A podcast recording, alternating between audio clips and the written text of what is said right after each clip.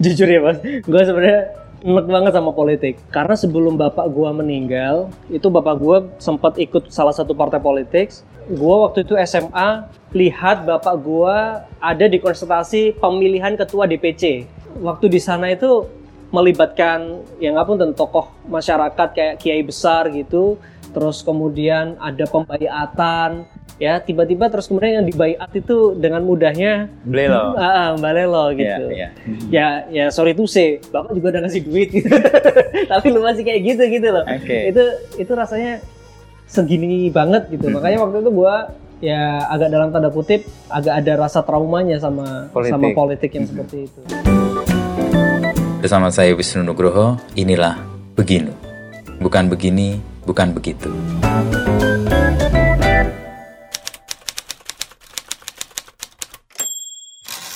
Lama kita nggak ketemu ya. Terakhir Lumayan. ketemu Ya di Amerika. Disebutin tiba-tiba ya, gaya bang. di, disebutin ya gitu. Kita kontak-kontakan saling ngecek di Instagram. Uh, ini Gus Ipin ada di New York nih. Terus kita kontak-kontakan Iya, kita ketemu terus di sana. WA-an. Iya. Waktu itu acara apa, Mas Ipin? Eh, waktu itu aku ada acara sama teman-teman WGDP sama Ivanka. WGDP, oke. Ya, itu kayak side eventnya apa namanya? Sidang tahunan Eh, sidang PBB. tahunan PBB. Jadi ada ya, apa ada yayasan namanya La Meridian lah. Mhm. Itu yang invite kita, kita jadi peserta. Jadi di situ banyak praktisi, banyak pakar yang ngomongin uh, tentang gimana mengakhiri kemiskinan gitu ya, gimana peran perempuan itu sangat penting dan waktu itu speaker utamanya Ivan Gatram. Oke. Nah, terus kita kemudian ada satu satu apa diskusi panel tersendiri dari 17 negara yang memang jadi ambasadornya itu. Dan di Indonesia perwakilannya saya dan satu-satunya laki-laki bos. Makanya gue nyariin lu cari temen bos. Ini di New York ngapain ya? Ngapa-ngapain gitu? Cewek-cewek semua kan wah sungkan kita. Ada lu lagi update ya, lagi di New York. Wah asik nih. Tapi posisi waktu itu sampai ke sana itu ceritanya gimana? Sampai kepilih dan 17 negara yang diundang untuk hadir di event yang gede banget sebenarnya. Jadi eh, kebetulan saya waktu jadi wakil bupati kan concernnya kan ke kemiskinan. Jadi ex, apa kita ini kan ex officio tim koordinasi penanggulangan kemiskinan. Oke. Kemudian ada program gerakan tengok bawah kemiskinan. Tengok bawah kemiskinan. Ah, oke. Terus kemudian eh, kita sempat ada satu piloting sama USAID yaitu program jadi pengusaha mandiri. Wah, dan dirasa itu sukses. Mhm. Nah, kemudian karena kesuksesan itu kita dinominasikan oleh USAID ke White House. Memang ngomong kalau nggak janji kalau bisa diterima karena memang Oke. diseleksi langsung sama eh, sama White House gitu dan ternyata eh, terpilih lah gitu. Itu sebenarnya programnya program IVLP sih.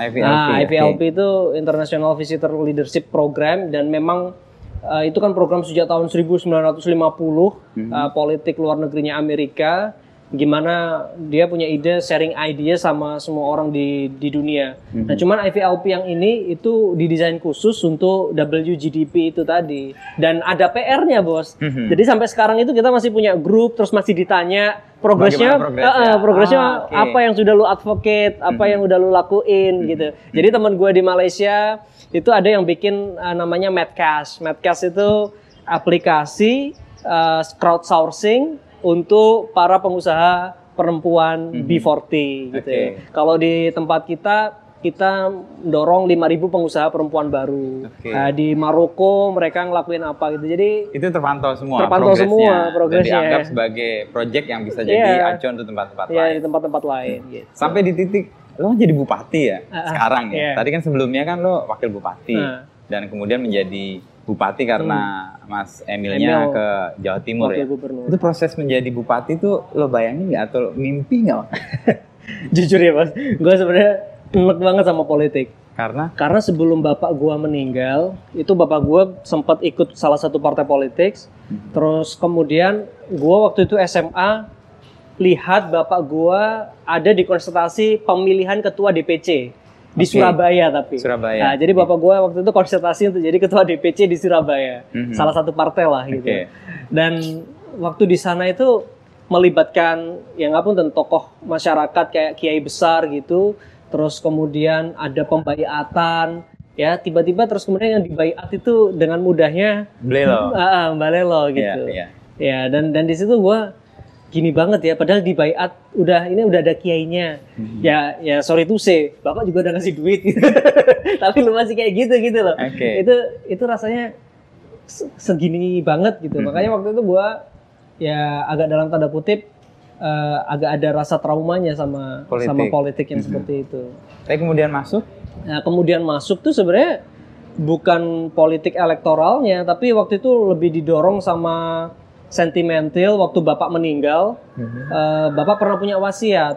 Nak dulu Ke bapak, Ipin? iya, nak dulu bapak dari Trenggalek ke Surabaya itu hidup susah karena kenapa kita ke Surabaya? Karena waktu itu bapak nggak punya pekerjaan. Bapak jadi tukang beca, ibu lu jadi eh, asisten rumah tangga gitu. Nah sekarang kita udah ngerintis usaha, udah ada rezeki, lebih beruntung dari yang lain. Suatu saat kita pulanglah ke Trenggalek gitu. Mhm. Jadi waktu itu 17 tahun saya putuskan untuk ngelanjutin usaha keluarga yang dirintis nggak gampang Mhm. dan waktu itu juga eh, ibu juga butuh butuh support ya karena ibu nggak terlibat di dalam bisnis keluarga ini secara secara langsung manajerial dan lain sebagainya. jadi Ipin men-take over Iya, waktu itu, pengelolaan iya. usaha. Apa usahanya Bapak dulu? Eh, jadi ngawalinnya tuh dari jualan alat-alat rumah tangga. Apa Jadi misalnya kayak alat rumah tangga? panci, Oh, wajan Iya, iya. gitu. Tapi kita eh, spesifik pancinya yang multi purposes. Jadi bisa buat panggang, Hmm. eh, rebus, ya. jadi yang macam-macam lah. Kita sebutnya serbaguna lah Oke. gitu. Nah itu terus kemudian waktu itu juga ada dinamika di mana supplier tuh lagi main-mainin harga gitu. Hmm. Jadi akhirnya gue sama ibu bilang ini kan kuliahku di manajemen operation, operation Ya, management di UNER ya? Ah, ah, di UNER. Terus kemudian ini pas ini kalau kita bikin pabrik gitu. Jadi Mhm. akhirnya ke Trenggalek itu bikin home industrinya itu Oke. sebenarnya. Mhm. Jadi balik dari Surabaya, Surabaya ke kembali ke Trenggalek. Ya, Tapi jadi- kan nggak langsung menjadi wakil bupati, ada Iya. transisi di mana kamu sendiri ada ada band juga kan? Nah, itu di di era di mana itu? Eh, Kalau lihat perjalanan hidupmu kan kayaknya ajaib banget nih. Anak yang SMA, SMP mungkin agak dugal gitu ya. Terus melihat realita politik agak enek gitu ya. Terus main musik juga. Lalu tiba-tiba kok balik lagi ke politik? Jadi musik tuh seakan puncak keegoisan saya. Karena Oke. waktu bapak meninggal 17 tahun eh, harus ngurusin pekerjaan, ya harus kuliah. Rasanya kok aku nggak punya waktu untuk me time gitu ya. Hmm. Jadi akhirnya ya aku ngelakuin apa yang gue senengin deh gitu. Ngeband, Kayak kabur gitu ya sampai ke. Jakarta ya kayak retreat lah gitu. Hmm. Ya kita menyep- menyepi eh, untuk merasakan ya kehidupan yang nggak ngurusin orang lah gitu. Hmm. Ya waktu itu ngeband di Jakarta terus ketemu sama Pai gitu ya. Udah tahu kan kalau ketemu sama Iya. Pai kan ide-idenya kan Keluar ada aja gitu. Ya udah sambil waktu itu rilis single, kemudian waktu itu masih musiknya TV-TV acara musik pagi-pagi Iya, tuh. iya, iya. Apa yang Iya tuh lah lah lah ye ye ye tuh. Jadi ya masih ikut satu dua terus sempat keliling-keliling. Ya itu. Jadi di masa-masa menyepi itu sampai pada satu ketika bapak gue yang udah meninggal tuh datang di mimpi dan itu menyadarkan semua terus gue akhirnya harus pulang lah Kembali. kembali. Apa yang membuatmu merasa bahwa bapak itu yang mengingatkan? Karena di mimpi itu kayak ada di satu kayak pengadilan gitu bos. Terus kayak aku ngerasa ngerasa bersalah. Kenapa aku se-selfish ini gitu. Dan ketika gue balik memang keadaan di rumah ibu sama adik emang lagi ya lagi ada masalah lah. Meskipun gitu. usaha udah jalan. usaha jalan gitu. Tapi kan namanya usaha family business itu kan gak gampang ya. Hmm. Jadi mungkin aku sama adik-adik fair, tapi kan bapak punya saudara-saudara. Oke. Terus kemudian bapak punya orang-orang yang dulu mendukung bapak, tapi kemudian melihat gua itu kayak nggak yakin, melihat Hmm. ibu kayak nggak yakin gitu. Jadi ya kayak lu kalau lihat film-film kedinastian gitu kan, setiap kali kaisarnya Hmm. Meninggal gitu Iya, kan iya, selalu ada, ada aja, sesuatu. ya ada Oke. sesuatu yang yang nggak baik-baik aja. Dan itu terus kemudian gua harus nunjukin kalau gua involved gitu. Hmm. Dan eh, waktu itu ya gua tantang ya kalau kayak kita main bola lah kalau kalian nggak yakin bisa menang di pertandingan ini sama gua ya Nggak udah gua gua pilih tim yang lain aja silakan kalau yang mau keluar ya keluar gitu Mhm. nah tapi saat itu juga gua mulai memikirkan transformasi perusahaan gitu Oke. jadi kapasitas keluarga dengan dengan gaya pendekatan keluarga ansih itu juga nggak bakal bagus buat manajemen akhirnya gue mulai hire profesional. Untuk jadi ya itu. jadi biar seimbang balance antara knowledge sama emotional Mhm. bonding yang dibangun di perusahaan ini gitu. Sehingga gua akhirnya cabutin orang-orang dari beberapa pengusaha bangkir lah, manajer di salah satu. Untuk big company itu secara ya. Untuk kemudian mulai dari itu kita bikin manajemen manajemen pusat. Itu belum kepikir soal politik. Gua nggak kepikir loh. Terus gua setelah settle di uh, di itu? pusat di Surabaya, gua akhirnya mem- kan jaringan distribusi waktu itu bapak meninggal tuh baru ada cabang atau kantor atau sales sales point itu sekitar 15 di ya sekitar 15-an lah di 15 kota. Nah, terus ketika gua ibu adik-adik masuk tuh bisa sampai 35 gitu. Jadi memang Meluas. cukup growth gitu. Terus akhirnya kebutuhan barang kita butuh banyak, terus kita putusin kita bikin uh, lini produksi sendiri Di Trenggalek. di Trenggalek. Karena panggilan Karena atau wasiat wasiat bapak itu Oke. tadi gue pulang ke Trenggalek gitu.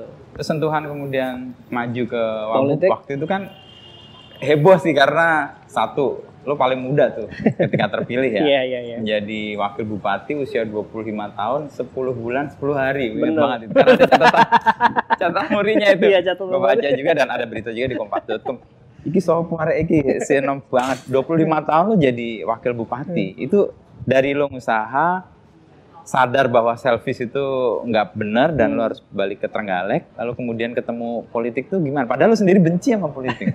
Jadi waktu itu eh satu panggilan hatinya waktu kita bikin pabrik satu banyak lamaran pekerjaan ada kepala desa datang Pak ini saya ada tanah orang saya banyak yang nganggur bu dibeli dibuat pabrik oh sampai segitu Iya, akhirnya gue bikin pabrik dan itu pertama kali kesadaran gue HRD lu nggak boleh nge-hire orang.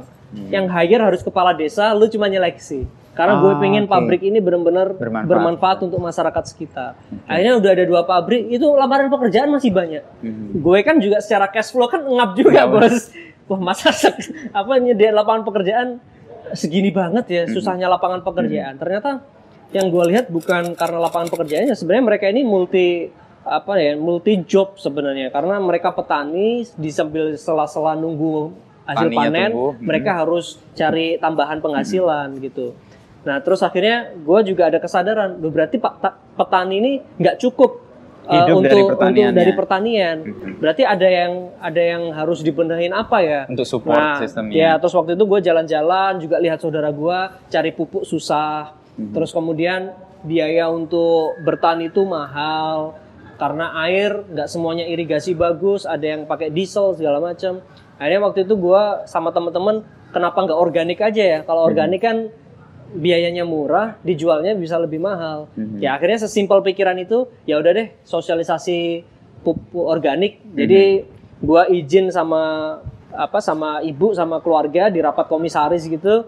Ini CSR-nya ditaruh di Trenggalek semua ya gitu. Ah, buat oke. sekolah Oh, tani berangkat gitu. dari CSR Iya itu ya? CSR. Jadi Ah, buat oke. sekolah tani gitu. Oke. Akhirnya kita bikin sekolah tani itu. Mhm. Keliling lah. Nah, kebetulan ada salah satu saudara paman yang maju jadi anggota DPR Oh, ketemu kabupaten lagi. ketemu di situ juga jadi Oke. paman gua ajak waktu gua sekolah tani kalau ada sumbangan ke pondok Petani, ke mana gua Ikut gua aja. undang paman. Ini paman gua mau maju nih gitu. Tapi gua yang ngomong gitu. Nah ternyata nggak tahu tiba-tiba waktu setelah pilihan DPR waktu itu terus ada pilpres. Mhm. pilpres Pak Jokowi Pak Prabowo yang 2014. pertama ya yang pertama tuh. Terus nah itu juga lucu. Gua bertemu sama Pak Mahfud MD Di di, salah sini? satu kegiatan kampanye. Iya Pak Oh, Mahfud MD ke sini. Trenggalek, oke. Jadi gua dampingin Pak Mahfud MD naik helikopter dari waktu Surabaya. itu masih Prabowo kan Pak masih Mahfud iya MD? masih Prabowo gitu. Jadi jadi saya kagumnya sama Pak Mahfud MD-nya gitu karena Hmm. garis mungkin Gus Durian ya. Kayak gitu. Jadi eh, Pak Mahfud MD naik helikopter dari Surabaya ke Trenggalek buat kampanye terus saya sampai ke Sampang waktu itu ke Madura juga. Lah Pak Mahfud MD waktu itu ngomong sudah Mas Nur semangat terus buat masyarakat itu pesan itu ya gua gua Hmm. Manggilnya ingat. Mas Nur? Iya, manggilnya Mas Nur. Untung nggak Gus Nur yang, Oke, Eh, Pak Mahfud bilang itu. Bang Bang Mahfud juga bilang itu. Itu Jadi, lo usia berapa? Dua tiga, dua wah masih masih kalau 2000 Pilpres 2014 kan ya? Iya. Berarti ya sekitar 24. Iya, 24, 24. oke. Mhm. 24. Mhm. Nah, nggak lama setelah itu ternyata baru tahu juga gua kalau di sini ada pilkada gitu loh. Ah, tadi nggak kepikiran. Nggak kepikiran bos, jadwal pilkada kapan juga nggak tahu. Dan, gue kan KTP masih Surabaya bos. Iya, iya, iya, Jadi iya. officially kan gue ke sini cuma buat Usaha. kerja aja, usaha. Terus agak ketahan lama di sini karena memang harus ada yang disetelin usaha Hmm. ini. Eh, terus sama saudara maju itu ya kita bantu-bantu lah. lah lebih jauh. Ya karena dulu ya ini ini kalau cerita keluarganya ya sambil rekonsiliasi keluarga karena pasca bapak meninggal saudara-saudara itu keluar dari Bisa. perusahaan untuk bikin perusahaan sendiri-sendiri. Oke. Jadi ini kayak juga semacam silaturahmi lagi gitu. Dan kumpul lagi. Jadi kumpul lagi, baik lagi gitu. ketika bapak eh paman tadi ya Hmm. nyalon Jadi jadi Heeh. dan kemudian ada pesan dari dari Pak Mahfud, Mahfud ke. Pak Mas Nur Iya, tadi. Mas Nur. tetap di Iya. sini Mas lalu Nur tahu bahwa ini ada pilkada terus kemudian muncul ada bayangan mau maju dan Ya waktu itu banyak kan sudah mulai ada ada teman-teman yang Mas ini masyarakat senang sama program pertaniannya. Yang tadi Terus itu. akhirnya saya ketemu, apa ketemu sama kelompok-kelompok muda. Ada yang ngomong waktu itu Mas ini nelayan lagi nggak musim ikan. Oke. Terus apa nih bikin event yuk Mas gitu. Hmm. Ini eventnya pariwisata biar kalau nggak dapat eh, penghasilan dari perikanannya, dapat penghasilan dari pariwisatanya. Oke. Ya udah terus apa nih yang jadi ikonik? Kalau di laut kan kalau festival mancing apa kan udah biasa. Mhm. Nah ini nelayan-nelayan sini itu kan biasanya bikin kapal sendiri. Nah ini Kapal. cuman kita bikinnya kapalnya miniatur, Oke. terus dikasih remote control. Oke. Nah, terus dilombain di di, Di laut. laut. Ah. Ah. Nah, itu jadi festival yang keren kan. Iya, jadi kalau iya, biasanya iya, kita RC kan Iya, ini eh, di mobil-mobilan ini kapal. Oke, oke, bos, dan gitu. menghidupkan ekonomi Ya, kita itu. dan gua waktu itu terus ya udahlah ikut kepanitiaan jadi wakil ketua tapi diminta sambutan. Nah, Hmm. terus gue juga mikir gimana nih biar acaranya nge-hype gitu. Hmm. Ya harus ada bintang tamu. Bintang tamu kalau mahal-mahal ya su- susah juga. Iya. Terus siapa nih yang murah? Yang ada kaitannya sama Trenggalek aja. Siapa? Arumi loh. Apa kaitannya sama Trenggalek? Suaminya orang, Orang Trenggalek, Trenggalek. keturunan Ah, Trenggalek gitu si Mas. Emil Iya, gitu. iya, iya. Akhirnya kita undang lah itu. Mas Emil Mas Pertama Emil. ketemu di situ Iya ketemu ketemu di event itu itu bulan Februari tahun 2015. oke Bulan Februari 2000 pilkadanya 2015. oh tahun yang sama Tahun yang sama. Jadi gua ketemu Februari pilkadanya eh, bulan-bulan eh pendaftarannya bulan-bulan Mei Juni lah Juni Juni pendaftaran. Mhm. Nah, ketemu di situ pertama kali. Nah, waktu Mas Emil datang, itu banyak partai yang ngucapin selamat datang calon Bupati Trenggalek. Gua nggak ngerti juga kalau dia ternyata udah niat gitu loh. Oh, oke oke Nah, ya akhirnya ketemu di situ pertama, kita tukar kontak, terus kemudian Mas Emil waktu datang lagi ke Trenggalek, kita ketemuan lagi di salah satu kafe di sini. Terus aku bilang Mas Emil, Mas, kamu kan punya opsi untuk milih wakil siapa pun itulah. Eh, ya lihat dilihat survei aja. Kalau survei gua memang baik, bisa bantu lu ya, ya kenapa enggak gitu. Kalau surveinya ngomong nggak baik, ya ngapain lu maksain kan ngan- apa ngambil gua gitu. Masih banyak birokrat yang senior lah apa. Ya udah jadi kita jalan sendiri-sendiri. Akhirnya gerakan-gerakan yang gua awalin dulu jadi mengerucut untuk bener-bener kampanye gitu. Tapi seakan-akan waktu itu gua kayak mau ngelawan Emil Head gitu head. ya kayak itu head karena Mas Emil kampanye sendiri, gua Iya, juga. Dia juga masih kampanye punya sendiri. untuk mencari iya. wakil ya. Jadi kampanye sendiri. Mhm. Sampai akhirnya ngelihat pergerakan itu eh, partai-partai kemudian bertemu. Ini Hmm. anak-anak muda nih kalau bisa jangan bertarung nih gitu. Dikumpulin Disatukan. aja gitu. Ah, oke Jadi akhirnya eh, kita kumpul di situ.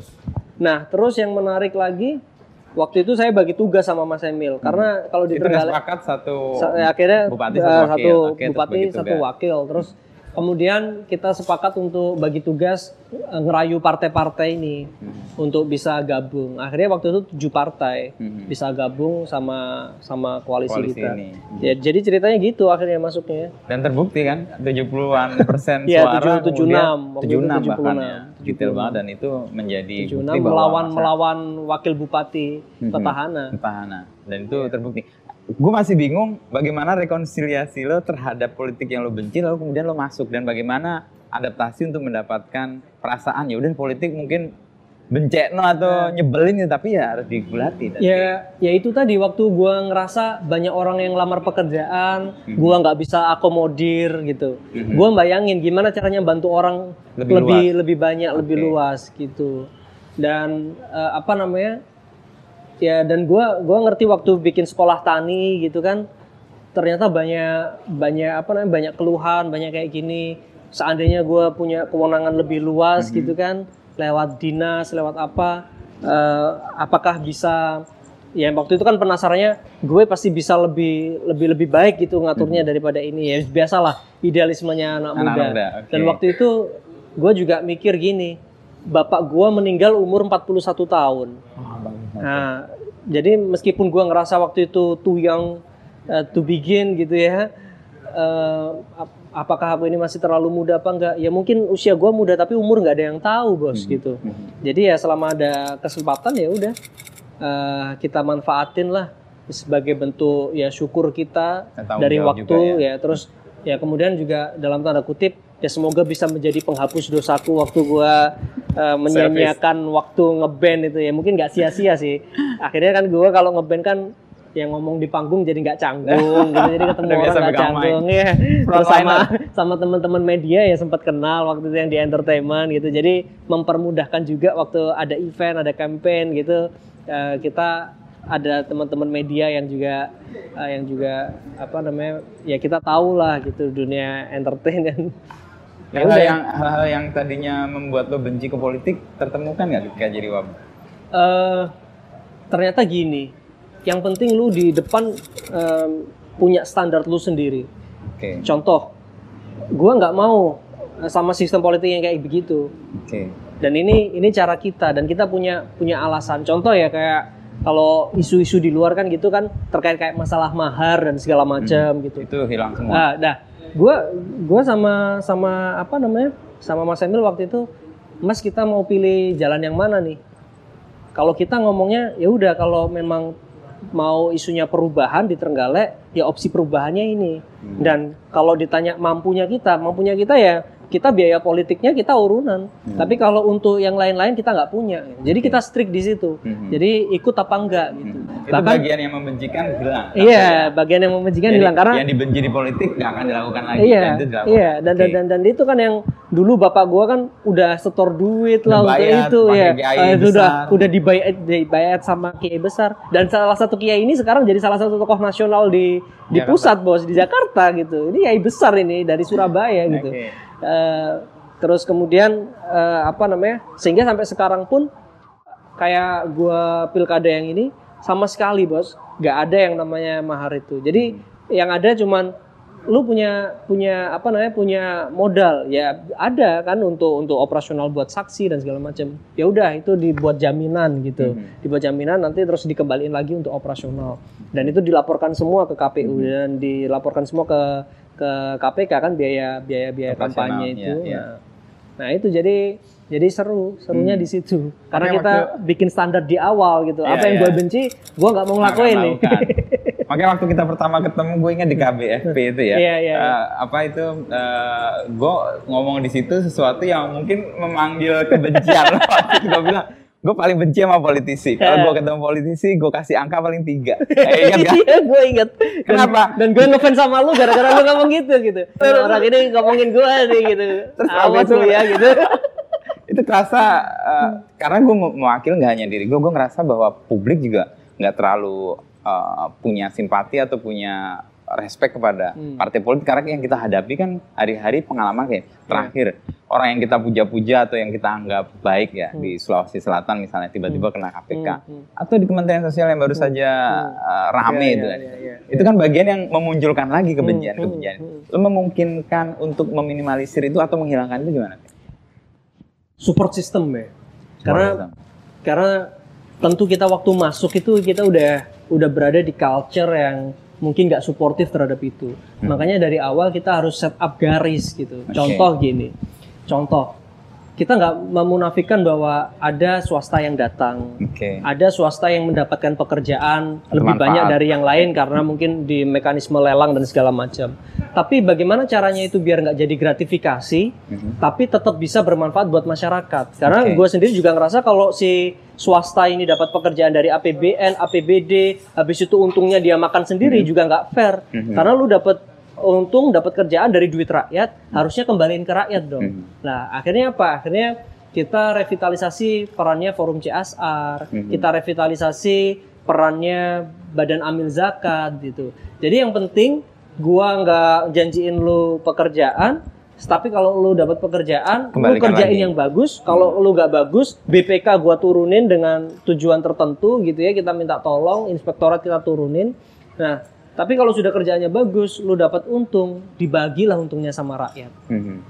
Nggak usah dikasih sebagai gratifikasi. Mhm. Ya insya Allah saya cukup uh, dan Allah bakal ngasih rezeki dari tempat lain. Mhm. Tetapi kalau untuk masyarakat kan nggak mungkin duit pribadi gua bisa cukup untuk Masyarakat bantu keseluruhan. masyarakat gitu. Mhm. APBD aja gak cukup gitu. Mhm. Tapi kalau ada peran swasta, ada public private dialog gitu Mhm. ya, yang konstitusional gitu ya, dipertanggungjawabkan. Ya udah, kan nggak salah lu sebagai swasta zakat, lu sebagai swasta CSR. Nah, kemudian ada CSR dan Mhm. itu semua masuknya ya secara konstitusional kayak CSR gitu kita nggak pernah terima duit Mhm. jadi gua butuhnya apa kafe kontainer gitu Oke, ya udah lu bikin kafe kontainer terus nanti serah terima barang Mhm. ke pemerintah kabupaten pemerintah kabupaten catat itu aset baru kita rawat Mhm, gitu. mhm. Lu nggak dapat manfaat pribadi dari itu. ya manfaat pribadinya gue dilihat orang bagus Nah. gitu aja kan itu yang lebih penting kan Iya, gitu iya, iya, iya. doanya orang-orang yang merasa merasa apa namanya merasa terbantu gitu. Dan kayak Basnas dulu gua pertama kali masuk wakil bupati itu sebulan cuman ada duit 11 juta bos. Jadi kalau setahun mungkin ya uh, sekitar 100 ya 130-an lah 130-an juta. Sekarang setahun minimal 4 miliar bos. Dan itu akhirnya kita bisa ngasih BPJS ke orang-orang yang belum pernah dapat BPJS. Jadi Basnas mengcover eh, dia selama setahun ini nanti tahun depan karena baru ketahuan kan data miskinnya kita kita masukin ke APBD gitu. Jadi Basnas nanti cover yang lain gitu. Jadi harapannya nggak ada lagi orang miskin kesusahan untuk untuk berobat lah dan segala macam Karena sistem yang support sistem itu tadi. Jadi memungkinkan. gerakan tengok bawah tuh sebenarnya cuma tiga platform. Hmm. Sedekah informasi, sedekah partisipasi, sedekah rizki. Udah Ah, kita kita dorong itu Mhm. dan kita bikin bikin apa namanya bikin satu kantor khusus kayak pos pelayanan orang miskin. Karena kalau perizinan kan orang punya duit mau bikin usaha ada kantor perizinan terpadu pelayanan terpadu. Lah orang miskin mau dapat bantuan nggak ada Hmm. Iya. kantornya bos. Makanya waktu itu kantor wakil bupati aku dibangunin kantor wakil bupati gue bilang gue nggak nempatin deh buat pelayanan orang miskin aja. Oke, support system itu cukup mampu mencegah lo sebagai orang yang berkuasa untuk tidak So far. terganggu so far ini. so far so far efektif. Jadi satu itu terus kemudian kedua juga waktu itu kebangun kesadaran waktu meledak booming beritanya wakil bupati rekor muri termuda gitu kan. Gue juga nggak ngerti gitu kan kalau itu dapat rekor muri. Karena waktu daftar itu gue baru 25 tahun dua bulan gitu. Jadi baru balik lah Iya, iya, iya, sebagai sebagai calon kepala Baru daerah. iya. ya. nah setelah ke media-media begitu ya gue ngerasa semua mata kemudian memandang ke sini kan gitu. Jadi ya harus jaga tapi yang paling paling mendasar itu sebenarnya waktu gua pamit ibu gua eh, ibu pernah pernah ngasih pesan gitu. Pamit untuk ke politik. Iya waktu pamit ke politik ibu bilang kamu aku izinin tapi tolong jangan pernah makan duit rakyat.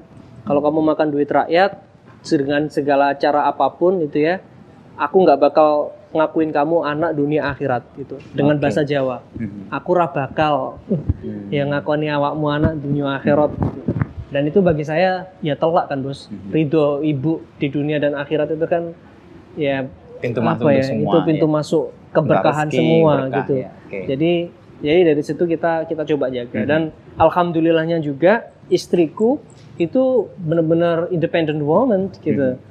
Jadi dari awal aku ketemu dia memang dia struggling kerja dulu Mhm. di presenter ya modeling Uh, dan waktu pun dia jadi ibu-ibu PKK aku bilang lu pinjem duit deh jadi dia pinjem duit tuh di di salah satu Bank. bank gitu kan lu ngomongin pengusaha perempuan masa kamu nggak punya usaha akhirnya dia karena dia suka masak usaha. dia bikin bakery gitu Ah, oke. sampai kayak begitu Mhm. duitnya pinjem gitu Mhm, mhm. bisa dilihat itu bisa dicek gua punya pinjaman berapa ini Oke, oke. Jadi dua ya, satu support system menjaga, yang Iya. kedua dari ibu sendiri Iya, punya dari ibu, pesan dari yang keluarga. kayak lo mendarah daging Iya. bahwa itu harus dilakukan. Yang Dan- ketiga istri. ya kita istri dan publik ya Publik, karena iya, karena meng- mengawasi iya, ya. mengawasi itu Mhm. perasaan diawasi banyak orang itu Lo perasaan diawasi senang atau eh, malah mengkhawatirkan? eh kalau gua ada salah satu kiai yang bilang gini pesanku cuma satu mas kalau dipuji bilang astagfirullah gitu ya kalaupun dicaci alhamdulillah udah Hmm. jadi maksudnya pujian cacian nggak boleh ada yang menyusahkan kamu dan juga membesarkan kepala kamu. Jadi udah lakuin apa yang yang harusnya lu lakuin, you yakinin lu itu itu bener menurut kayak segala kaidah gitu ya. Ya sudah berdiri aja di situ. Jadi eh, ketika dipandang itu ya satu bukan beban tapi tanggung jawab aja gitu. Oke. Ya, kalau dipuji merasa ya biasa, Ya, kalau biasa, dicaci juga nggak usah- ya nggak usah sakit hati, down down gitu. banget ya. Ya. Artinya itu, itu mengandaikan lo punya prinsip yang teguh kan? Iya, ya, Nggak mudah ya goyah. di- diharapkan begitu. Oh, ya gua oke. nggak ngomong orang itu punya apa ya, punya keteguhan sekeras itu ya. Hmm. Kalaupun kalaupun gua nangis, Hmm. mungkin di kamar sedih dan segala macem, ya ya kan nggak mungkin gua lihat-liatin di Publik. publik, kayak begitu.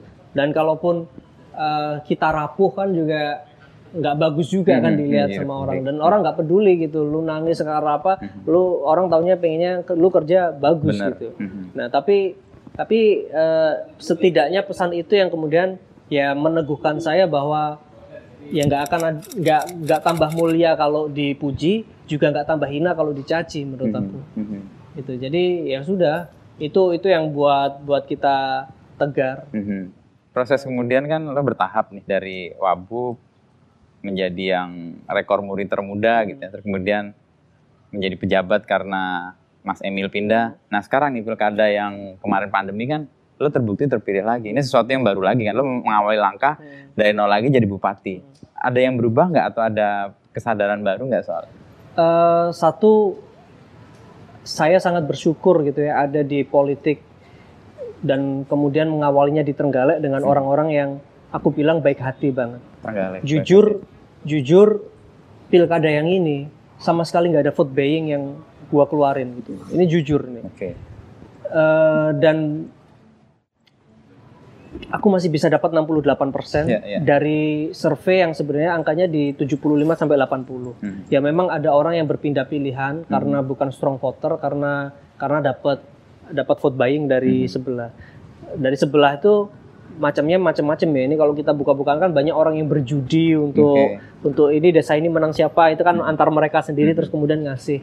Nah, tapi dengan dirusak eh, beberapa ya itu ada beberapa pemain politik lah di setiap event yang kayak begitu.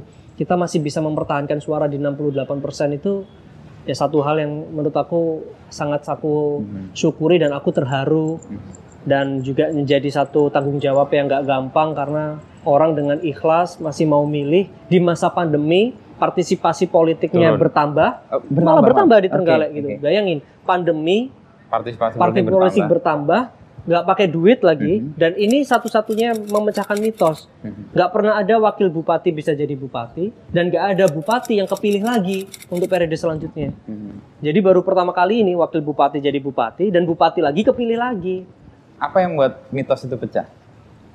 Menurut eh, pikiran atau eh, ya Pandangan. orang mungkin yang bisa bisa Menjawab. nilai ya tapi kalau aku sih aku selalu membuka ruang dialog meskipun berat ya karena jadwal karena kondisi rapat dan segala macam tapi aku mesti meluangkan waktu bisa berbicara dengan mereka tanpa sekat Ah, Contoh, oke. sebelum pandemi setiap hari Jumat gue buka yang namanya Sonjo Pendopo Jadi pendopo. setelah Jumatan, pendopo kita buka buat siapa pun Siapa nggak perlu janjian sama Hmm. bupati, lu bisa ketemu bupati, lu bisa ngobrol apa pun yang lu mau gitu.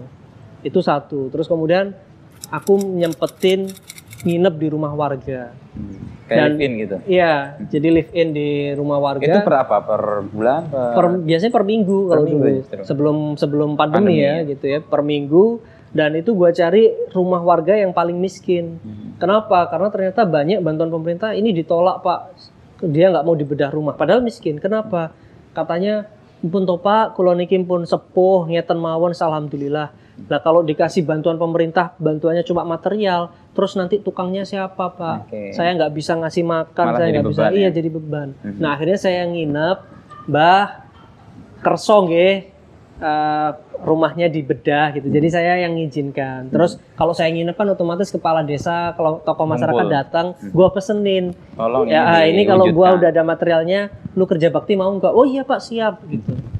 Terus kalau bedah rumah jangan kayak dulu-dulu. Bedah rumah cuma dibedah doang tapi MCK-nya nggak ada. Mhm. jadi akhirnya duit pemerintah udah keluar miliaran, tapi indikator kemiskinannya nggak bergerak gitu, karena nggak Hmm. Holistik holistik. ya? Oke. Jadi yang bedah rumah sekaligus bikin MCK-nya, sekaligus mikirin air bersihnya. Mhm, mhm. Dan ya itu yang kemudian orang kok enek gitu bupati gelem nginep di sini. Hmm. Dan itu benar-benar yang tanahnya kadang-kadang belum Belum belum di belum iya belum belum di Lantainya ya. pengerasan belum. Jadi masih benar-benar tanah. Rumah lantai masih tanah. iya. Jadi gua cuman pakai sleeping bag gitu Hmm. aja. Apa yang buat lo mau melakukan itu? Gua keingetan waktu kecil juga kayak gitu, Bos. Susah seperti itu. Jadi rumah gua itu perbatasan sama kali, kalinya Surabaya? di Surabaya, kalinya Di mana hitam persisnya? di Bendul Merisi. Ah, Bendung Risi. Ya, tahu. kalinya hitam terus setiap tahun selalu banjir. Jadi ya kalau ngomong masalah kemiskinan memang ada ada sentimental tersendiri karena ya gua dulu pernah jadi inferior, Mhm. sepatu nggak kuat beli, seragam juga yang teman-teman lain seragamnya baru, seragam gua udah udah kuning kayak gitu. Mhm, mhm.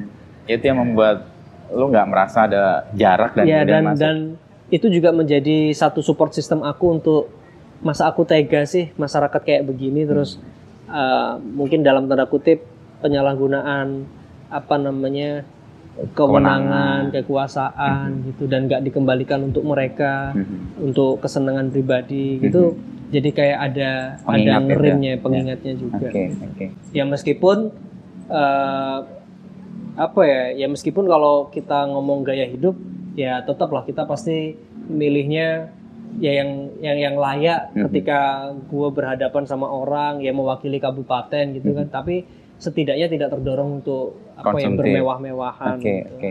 Karena punya pengalaman Ya, yang punya dari pengalaman bawah satu pengalaman kedua juga empati Mhm. gitu Yang kemarin kerasa banget sih. Malam-malam kita ketemu di kantor bupati lo Iya. ngobrol sama kepala desa itu kayak sama Mbah sendiri atau Pak Adi sendiri. Apa? Ya Mbah, ya Mbah. Ah, naturalita atau kewajaran lo itu kan nggak dibuat-buat ya dan itu Iya, itu gimana bisa bisa menjadi uh, cara lo memimpin di sini. nggak tahu bos ya jadi diri sendiri aja gitu jadi Oke. yang penting gua nggak ngerasa gua pejabat gitu aja Oke. itu yang eh, Kemarin sarungan, pakai peci, pakai kaos dan pakai uh, jaket. gua jadi berkaca-kaca matanya yang ya nyamannya gitu gimana Oke. mau mau pakai baju yang yang mewah gimana ya Iya, apa iya. sih gitu Iya, ya ya udah ya sarungan aja ketemu Aha. sama lu ya kaosan gitu itu kalau bukan karena lu yang dari Jakarta mungkin kemarin gua nggak pakai jaket gitu karena ngormatin lu aja gua pakai jaket Oke, dan komunikasi dengan uh, kepala desa itu menjadi Penting. lebih cair ya, Penting. dan, dan dan itu bisa jadi pembuka untuk mereka lebih terbuka. Iya, karena desa kan sekarang ada undang-undang desa, mereka direkognisi, Mhm. mereka punya kewenangan juga, mereka punya anggaran juga, dan perlu kedekatan seperti itu karena kita nggak bisa daerah kayak di Jakarta itu kan wali kota, lurah itu kan Iya, iya. semuanya dipilih sama gubernur gitu. Mhm. Jadi garis komandonya jelas. Kalau ini garis komandonya bisa bisa garis Terputus-putus. garis lurus atau putus-putus atau nggak ada garisnya kalau nggak Oke, cocok kan iya, gitu. iya. Karena mereka juga dipilih langsung sama rakyat gitu. Mhm.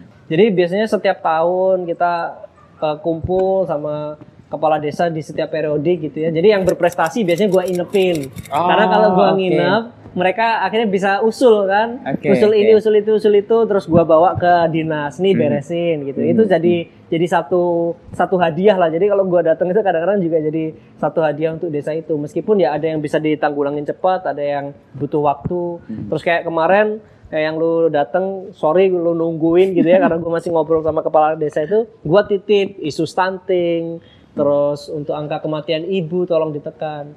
Ya bercanda bercanda sama kepala desa. Balurah bilang ke semua warga desa boleh anda menghamili tapi setelah hamil menjadi urusan kita gitu karena lu concern ngurusin ngurusin uh, angka kematian Kesehatan ibu ya? kesehatan Oke. terus gua minta anak-anak PAUD yang sudah harusnya masuk PAUD tolong didata biar angka partisipasi kasar kita bagus.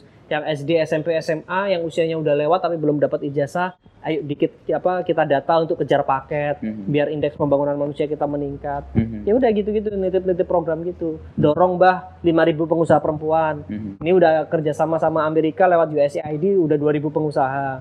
Terus dari dinas sama startup femalepreneur ada sekitar 1.500-an. Gua kurang 1.500 lagi nih. Jadi Oke. lu harus berangkatin 10 orang untuk jadi wirausahaan Per perempuan. desa. Nah, per desa. oke. Ya kayak gitu-gitu. Ada kecanggungan ya sebagai anak muda umur 30, sebelumnya 25 sampai 30 ketemu kepala-kepala desa yang tadi garis komandonya nggak ada dan dia lebih senior. Itu Enggak, jadi Ma? jadi narasinya gua bangun gini, Mbah lu kalau lu punya bupati, lu pengen menghormatin bupati lu atau pengen bupati yang kalau dimintain tolong disuruh-suruh lu nggak sungkan. Ya itu yang disuruh-suruh nggak sungkan. Ya udah Oh, milih yang yang anak muda yang kayak cucu lu gitu. Jadi lu nyuruh-nyuruh bupati, Pak Bupati ini jalan gua rusak, ini butuh ini, lu nggak sungkan. merasa masalah mereka masalah. menyuruh-nyuruh gitu. Yang penting kan pembangunannya jalan, Bos. Hmm. Mhm. Buat apa kalau gua dihormatin di depan gua siapa siapa siapa tapi nggak dilakuin buat buat Oke. apa